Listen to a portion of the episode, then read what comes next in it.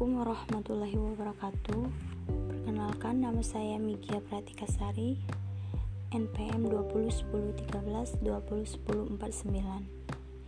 Prodi Kesehatan Masyarakat Fakultas Ilmu Kesehatan dari Universitas Muhammadiyah Bengkulu semester 2 Pada podcast kali ini saya akan menjelaskan tentang integrasi nasional Indonesia Integrasi nasional berasal dari kata integrasi dan nasional. Integrasi berarti memberi tempat dalam suatu keseluruhan. Dalam Kamus Besar Bahasa Indonesia, integrasi berarti pembauran hingga menjadi kesatuan yang bulat dan utuh. Kata nasional berasal dari kata nation yang berarti bangsa sebagai persekutuan hidup manusia Integrasi nasional merupakan proses mempersatukan bagian-bagian unsur atau elemen yang terpisah dari masyarakat menjadi kesatuan yang lebih bulat, sehingga menjadi satu nation atau bangsa. Adapun jenis-jenis integrasi mencakup satu integrasi bangsa, dua integrasi wilayah, 3. Integrasi nilai 4. Integrasi elit massa 5. Integrasi tingkah laku atau perilaku integratif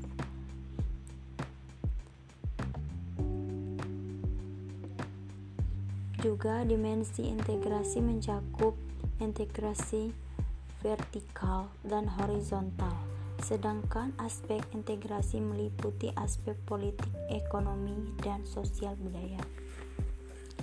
Integrasi berkebalikan dengan sintegrasi.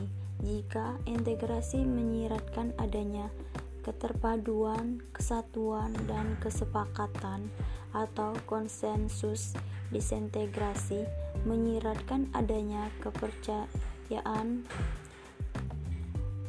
pertentangan, dan konflik.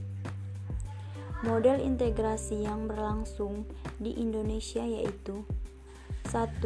Model integrasi Imperium Majapahit Model integrasi kolonial dan model integrasi nasional Indonesia Pengembangan integrasi dapat dilakukan melalui lima strategi atau pendekatan yaitu 1. Adanya ancaman dari luar 2. Gaya politik kepemimpinan 3. Kekuatan lembaga-lembaga politik 4. Ideologi nasional dan 5. Kesempatan pembangunan ekonomi Integrasi bangsa diperlukan atau digunakan membangkitkan kesadaran akan identitas bersama menguatkan identitas nasional, dan membangun persatuan bangsa. Isu-isu integrasi nasional yaitu isu integrasi nasional dibedakan menjadi dua, yaitu ada dari dalam negeri dan di luar negeri. Satu, isu atau ancaman militer dalam negeri. Contoh ancaman militer dalam negeri. 1. Disintegrasi bangsa. Melalui macam-macam gerakan separatis berdasarkan sebuah sentimen kekuasaan atau pemberontakan akibat ketidakpuasan daerah terhadap kebijakan pemerintahan pusat. 2. Keresahan sosial akibat ketimpangan kebijakan ekonomi dan pelanggaran hak asasi manusia yang pada gilirannya dapat mengakibatkan suatu kerusuhan massal.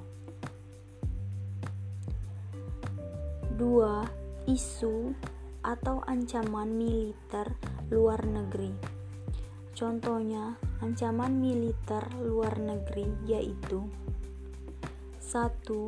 Pelanggaran batas negara yang dilakukan oleh negara lain 2. pemberontakan senjata yang dilakukan oleh negara lain. 3.